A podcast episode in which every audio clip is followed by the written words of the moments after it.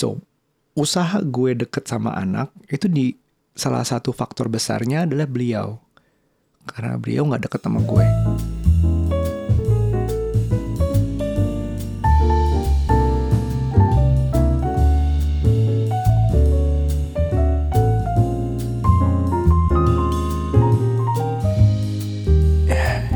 Hey guys, ketemu lagi di Curhat Babu. Um, sekarang tanggal 18 Mei 2022 di hari ini hari Rabu dan gue sebenarnya lagi sendiri sekarang.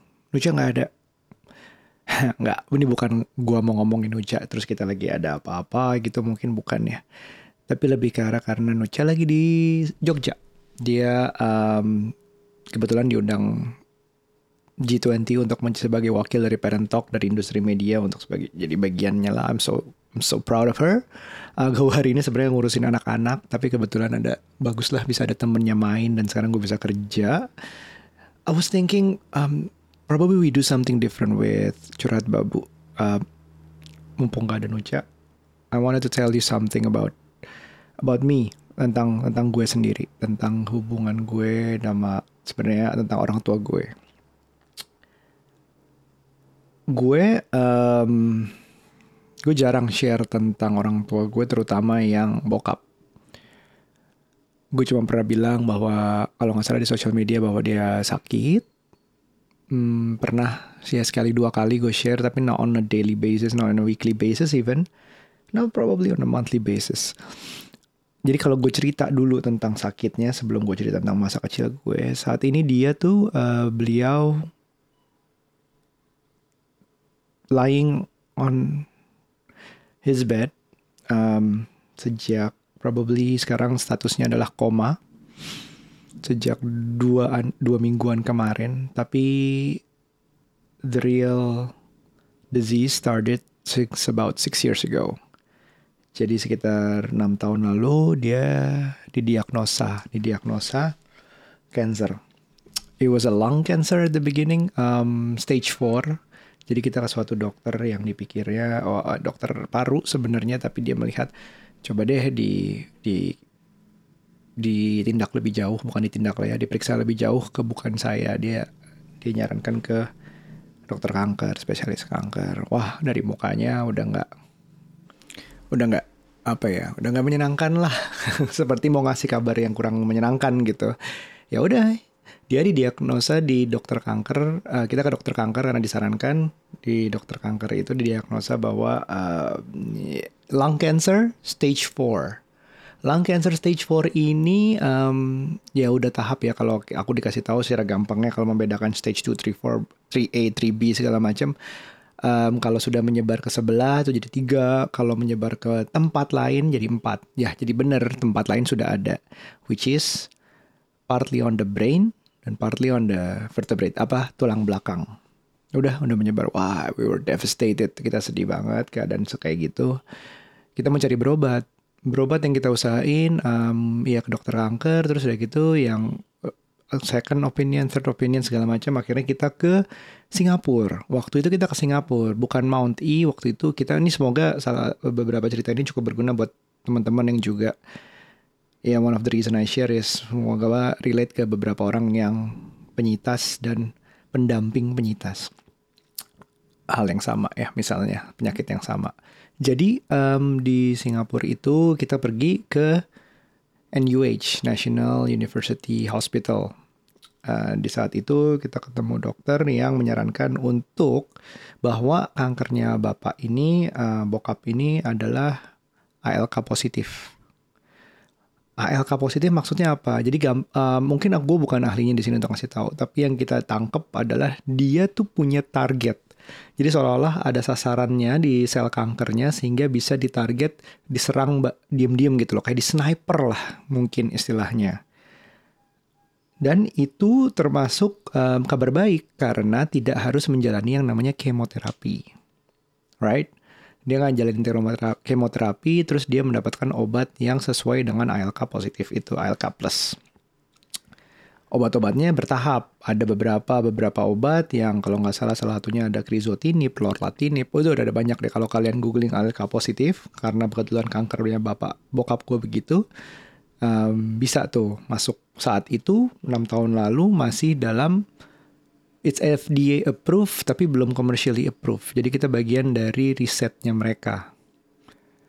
Uh, there was a risk, of course. We signed for it. Uh, bokap gue senang banget. Bukan karena cuman itu berarti uh, menghemat biaya, tapi dia mau menjadi bagian seolah-olah berkat dia dia bisa membuat obat itu berguna lebih banyak orang. I, I think that was noble. Itu bagus lah. Kalau dia aman, ya udah, we signed for it and then um, we go for it. Jadi kita menghemat tuh biaya obatnya gratis, kita cuma membayar pulang perginya tentunya dan admin dan biaya dokternya, which is not much.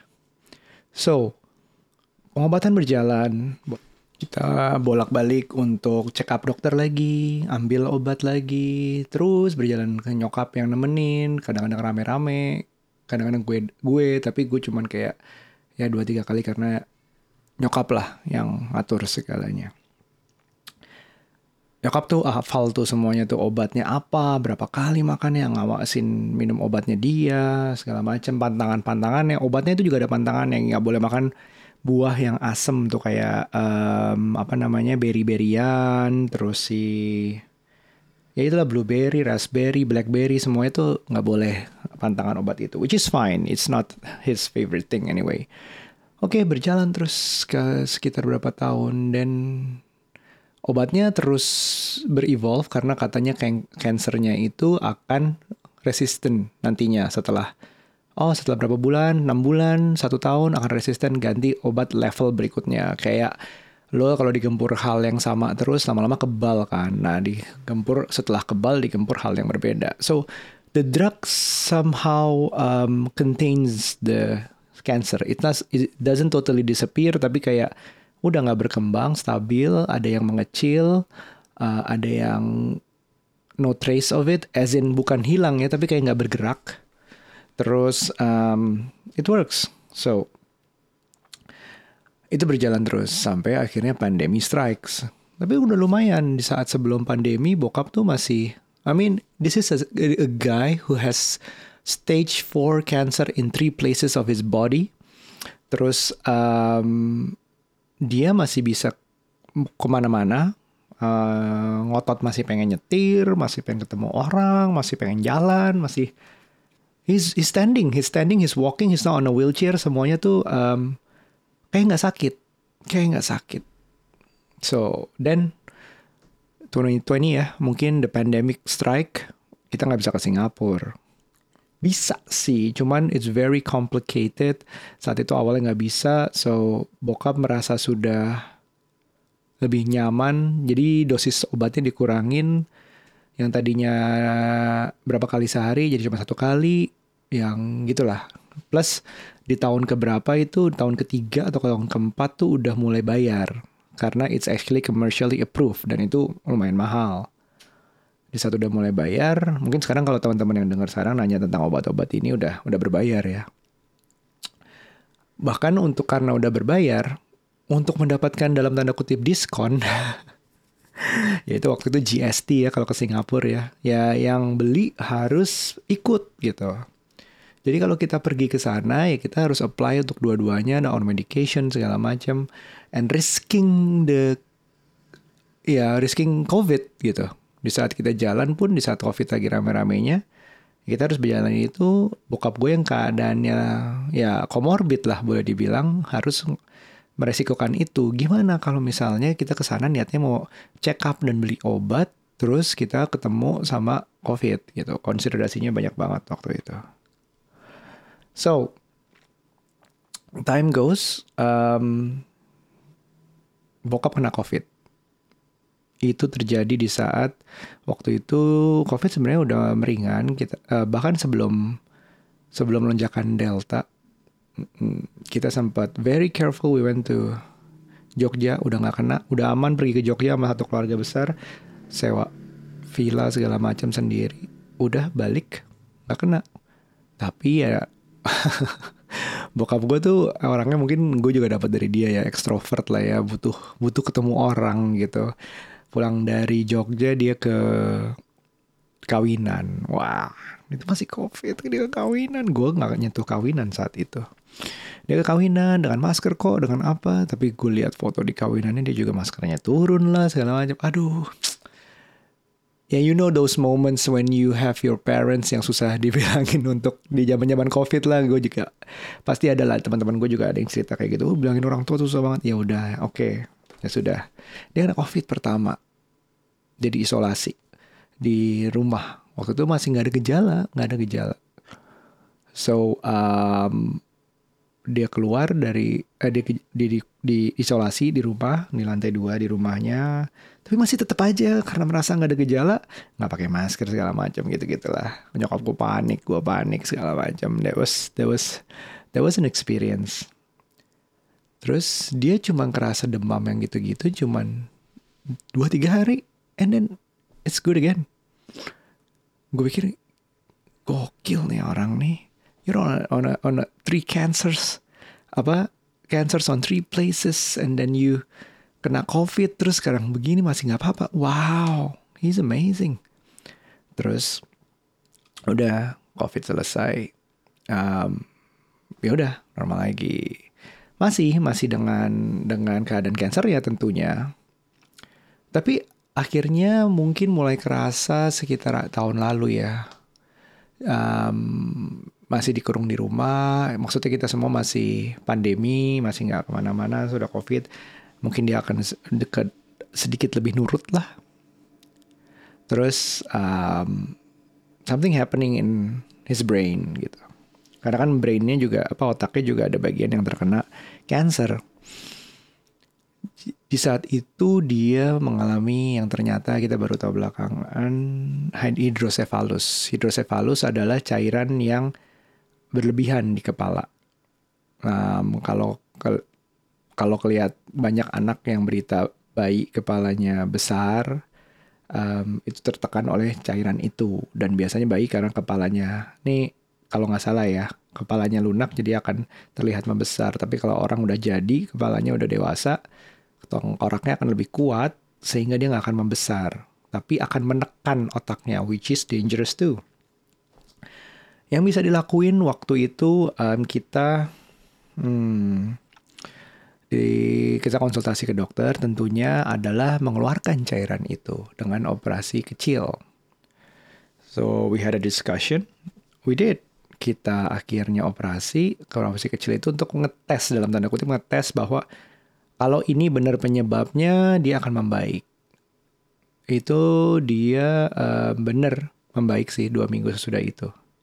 Tapi berjalan lagi waktu cairannya tetap ada karena memang tidak bisa mengontrol lagi badannya jumlah cairan yang lari ke otak itu.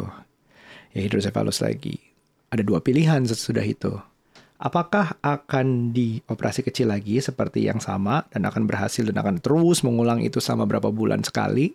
Atau the other option is to have it um, VP shunt. VP shunt artinya itu dikasih selang di kepalanya untuk yang selalu membantu memompa mengeluarkan cairannya sesuai dengan porsinya kita ngomong lagi bokap sebenarnya agak takut waktu itu. Sempat agak takut daripada operasi sebelumnya. Karena operasi beda lebih besar ini. Ya namanya ditaruh benda asing di kepala ya. Terus um, kita ngomongin dia butuh diyakinkan mungkin. Kita meyakinkan bahwa ya gimana? Apa apa mau operasi setiap berapa bulan sekali? Atau gimana? Apa cara lain? Apa mau apa? Gitu-gitu sekali kita diskusiin And we made the decision untuk akhirnya operasi. Operasi dijalankan, it was tough, it was like what lama banget lah, for for for five hours or something. Kita tungguin semuanya, kita jalanin, katanya berhasil sukses. Uh, sesudah operasi, ya udah dia cukup cepat kalau nggak salah bangunnya, sadarnya relatif cepat dan dia ya udah pulang. Tapi kayaknya nggak berjalan lancar. Begitu kita tahu dua minggu tiga minggu sesudahnya ini I think this was November Desember kemarin kalau nggak salah. Um, my mom knows the dates lah. Nyokap gue paling hafal semuanya. Kalau mau tanya lengkapnya mungkin ke dia kali ya. Tapi yang terjadi adalah dia makin melemah justru. Fungsi otaknya kayak nggak berjalan dengan baik. Ya udah kita bawa langsung ke UGD. Ternyata sudah ada pendarahan. Jadi entah kenapa pompanya itu memompa terlalu cepat air yang keluar hidrosefalusnya yang tadi. Sehingga ruang kosong ini otak akan menyesuaikan menarik ke dalam. Menarik ke dalam pinggiran-pinggiran ini waktu itu dijelasin sama dokternya ya, profesornya. Sehingga pinggiran-pinggirannya lep, kayak lepas. So itu mengalami pendarahan. Pendarahannya sudah memenuhi 20-30% kepala. Nah itu berbahaya gitu. Itu terjadi, operasi lagi. Keluarin pendarahannya itu, atur selangnya wah kita we spend days probably more almost two weeks di ICU sesudah dia operasi itu. The operation went well tapi dia sadarnya lebih lama kali ini. Operasinya memang lebih berat dan memang ya lebih life threatening bahkan dari sebelumnya. Katanya waktu di UGD pun kalau kita nggak operasi he's gonna lose it that night. It was a tough call to make as well. Terus um, udah di saat itu kita ganti-ganti jaga di ICU uh, ada yang bantu juga untungnya terus udah kita selesai keluar dari ICU emang ICU itu kan nggak boleh kelamaan ya karena ada pasien lain uh, bakteri virus segala macam bisa aja nyampe ke bokap gue yang kondisinya boleh dibilang lemah we we took the option for house home care lah ada company-nya yang bantu untuk ngurus semuanya jadi kasarnya rumah sakit pindah ke rumah dengan alat-alat tanpa adanya pasien lain. Ya, itu um, membatasi jumlah pasien kemungkinan terjadinya ada virus lain karena keadaannya lemah. Mungkin bokap merasa lebih nyaman di rumah dan um, tentunya biayanya lebih rendah daripada ICU. Akhirnya kita pindahin, kita jalanin semuanya tuh. Itu tough days as well dia pindah ke rumah dengan ada suster, dengan ada home care segala macam sejak Desember. Lalu Desember dia berangsur baik sih sebenarnya pelan tapi berangsur baik. Dia kan ada tracheostomi ya, um, sempat bernafas, ya bernafasnya lewat lubang di leher, makannya lewat sonda dengan infus juga segala macam kateter. Wah pokoknya it's like you know the full complete hospital care lah boleh dibilang. Pakai monitor yang bunyi-bunyi itu pakai infus pakai uh, oximeter terus pakai wah pokoknya EKG-nya juga di sekali-sekali dihitung apa diukur jantung. It's a lot it's a lot terus? Terus um, dia membaik pelan-pelan. Sampai akhirnya dia bisa ngomong dengan alat bantu omong lewat tracheostominya suara kayak robot gitu. Tapi dia bisa ada momennya di saat dia mulai ngomong bahkan udah nyambung ngomongnya. Bukan belajar ngomong lagi bukan udah nyambung. Walaupun memang lupaan banyak karena mungkin bagian memorinya kena nih karena kansernya juga kanker otak pendarahan juga lagi pula kemarin. Pokoknya lengkap lah. Terus um, lanjut. I think it was in February you know I think it was in February di saat um, another bad news strikes gitu. Kan udah lengkap ya sejauh ini ceritanya udah tiga cancer hidrosefalus pendarahan covid dan di Februari covid lagi. Omikron masuk. Omikron masuk nyokap gue juga kena. Ini kan bokap yang posisinya nggak bisa ke mana-mana ya. Berdiri cuma bisa berapa detik pernah waktu itu. Duduk sedikit banget berapa menit lah. Terus akhirnya tiduran terus. Ngomong susah tapi kena juga. Which means somebody brought it home. Entah itu susternya mbak di rumah atau nyokap atau siapa I don't know doesn't matter kita we're not playing pointing fingers here. Tapi pokoknya dia kena. Nyokap kena juga suster kena juga. Nyokap cuman sakit sehari. Karena udah vaksin juga bokap belum sempat booster. Vaksin nggak apa-apa waktu itu. And he got that covid for like suburb what 10 days? Almost two weeks? 12 days or something? Almost two weeks lah pokoknya susah menggap-menggap nafas pakai ventilator segala macam but he survived he still survive sampai hari ini. Tapi nggak membaik. Udah, I think COVID finishes it all gitu. Um, saat gue rekaman sekarang, bokap gue koma, udah dua minggu. Artinya kesadaran udah di masuk ke koma. Kalau kesadaran kan ada 15 poinnya ya. Mungkin dia udah di bawah lah. Pupilnya juga udah membesar. Oh, it was a horrible condition lah pokoknya. So, gue mau cerita ini uh, berharap teman-teman yang mengalami yang punya orang tua pasti ya punya orang tua semuanya tapi pasti juga punya hubungan yang berbeda-beda sama orang tuanya kok. Bahkan gak sedikit yang sama orang tuanya. Mungkin gak segitu akrabnya. I mean I love my father. I love my dad. But we don't have the what do you call it the best relation father and son relationship. Um, dia provided he provides uh, he um, tapi gue nggak ngerasa keakraban itu ada dari kecil. Gue ngerasa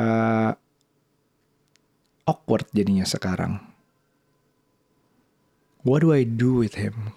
How do I behave? Gue yang selama ini nggak pernah ngerasa dia ada penuh nggak pernah ngerasa dipegang, disentuh.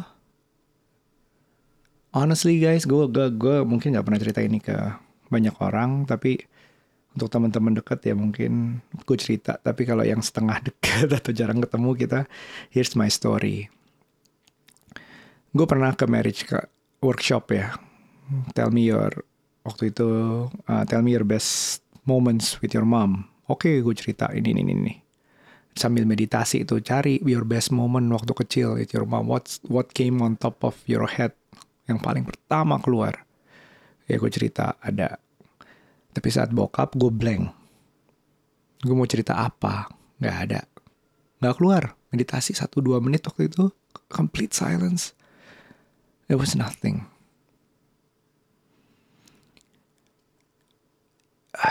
It's it's awkward now. Sure, I gue nangis iya di saat dua minggu lalu kita kita pikir dia kritis dia mau pergi, uh, tapi nggak jadi, bukan nggak jadi ya, belum juga. I cried, but cried off kayak kehilangan akal kehilangan. Cried kayak orang apa ya men, he's gonna someone close and will be leaving. Seseorang yang gue peduli dan pergi but not like my fresh and flesh and blood gitu loh. Ngerti gak sih? Gue nangis juga gue nonton beberapa film yang ada yang meninggalnya hampir kayak gitu. Gue nangis kalau gue dateng ke misalnya orang di ke, ke uh, saudara yang meninggal. You know that feeling? Yeah he was I, I knew him, he was alive, and now he's gone. Kayak gitu doang. I don't know, gue nggak tahu ya saat ini apa apa yang akan terjadi kalau dia benar-benar. This is a tough one. Gue nggak tahu harusnya sebenarnya, gue nggak tahu gimana cara gue menggambarkan perasaan gue gitu. Gue gue respect dia untuk dia berusaha menjadi orang tua yang dia tahu terbaik seperti apa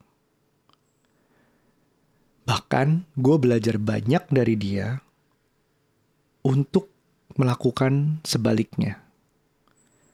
So, usaha gue deket sama anak itu di salah satu faktor besarnya adalah beliau.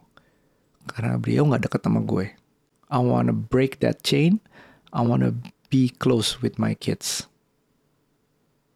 As much as I can oke okay, gue masih kerja, gue masih punya um, waktu untuk amanuca, gue masih punya waktu untuk sendiri, but I want to be close to my kids. He inspired me. Dan gue tahu gue nggak sendiri di sini. Gue tahu banyak bapak-bapak zaman sekarang yang deket sama anaknya karena dia nggak deket sama orang tuanya, sama bapaknya. Gue tahu banyak anak sekarang yang deket sama anak-anaknya berusaha banget segala macam work life balance, family first or whatever you wanna call it karena dia nggak dapat itu dari orang tuanya. I have a few friends yang juga kayak gitu. So, whatever it is, gue apa pun yang gue jalanin ini, semoga bukan untuk kalian melihat bapak gue bukan bapak yang baik. No, it's not that. Sure, everyone is not a perfect father, everyone is not a perfect parents karena nggak ada, nggak bisa kita ngejar itu. We we aim to be good enough parents. Tapi apa pun yang dia lakukan, dia masih bapak gue dan di, gue masih bisa belajar dari dia. Gue masih bisa melihat, oh ternyata kalau nggak pernah ada buat anak akibatnya begini toh. So I shouldn't do that. Oh ternyata kalau dia melakukan ini, hasilnya begini toh. So I should do that. Jadi ada hal yang bisa gue pelajari tetap aja sejelek-jelek apa pun, sekurang-kurangnya apa pun bukan jelek ya. Sekurang-kurangnya orang apa pun menurut lo pasti ada yang bisa dipelajarin. And I believe that.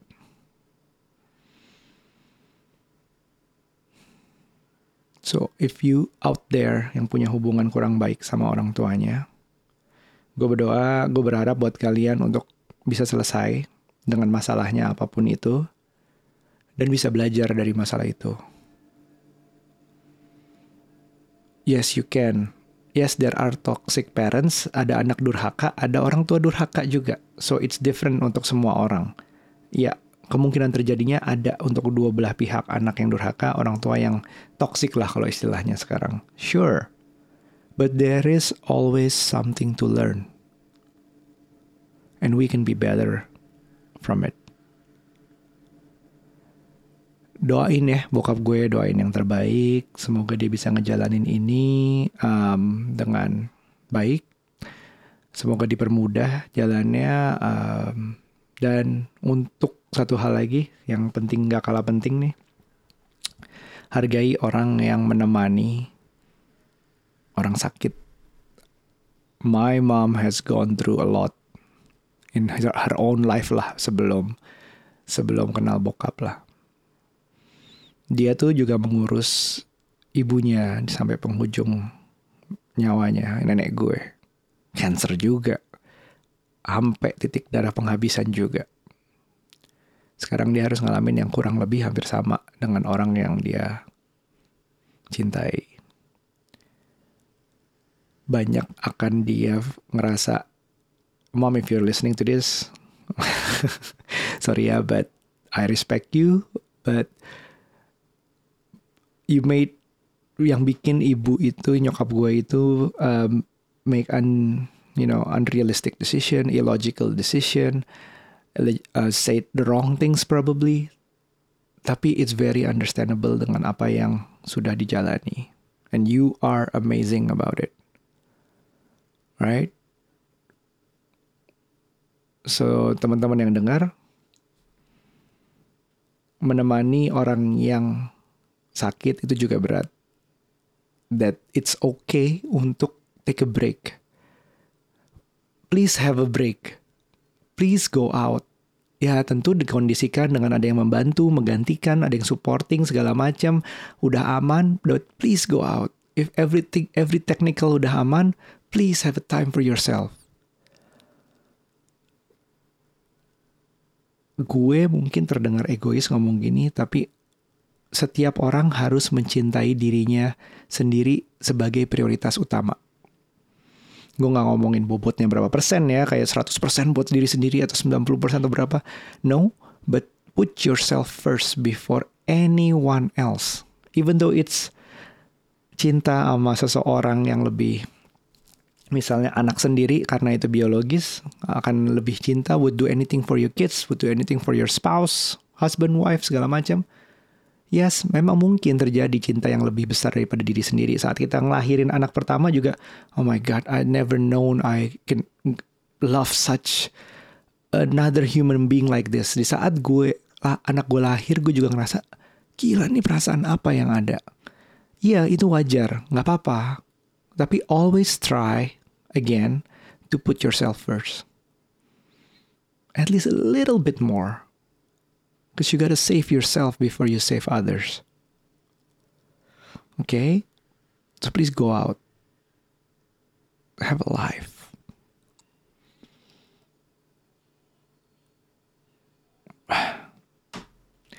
Ini tanggal 18 Mei 2022. Gue rekamannya. Jujur gue gak tahu ini akan gue publish apa enggak. We'll see. I'll just gonna record this and I hope I got it out there and put it on the record. Tahu deh gunanya apa. Dad, if you're listening, I love you. In the most awkward way, probably. And I'm sorry, and I hope you forgive me too. Bye.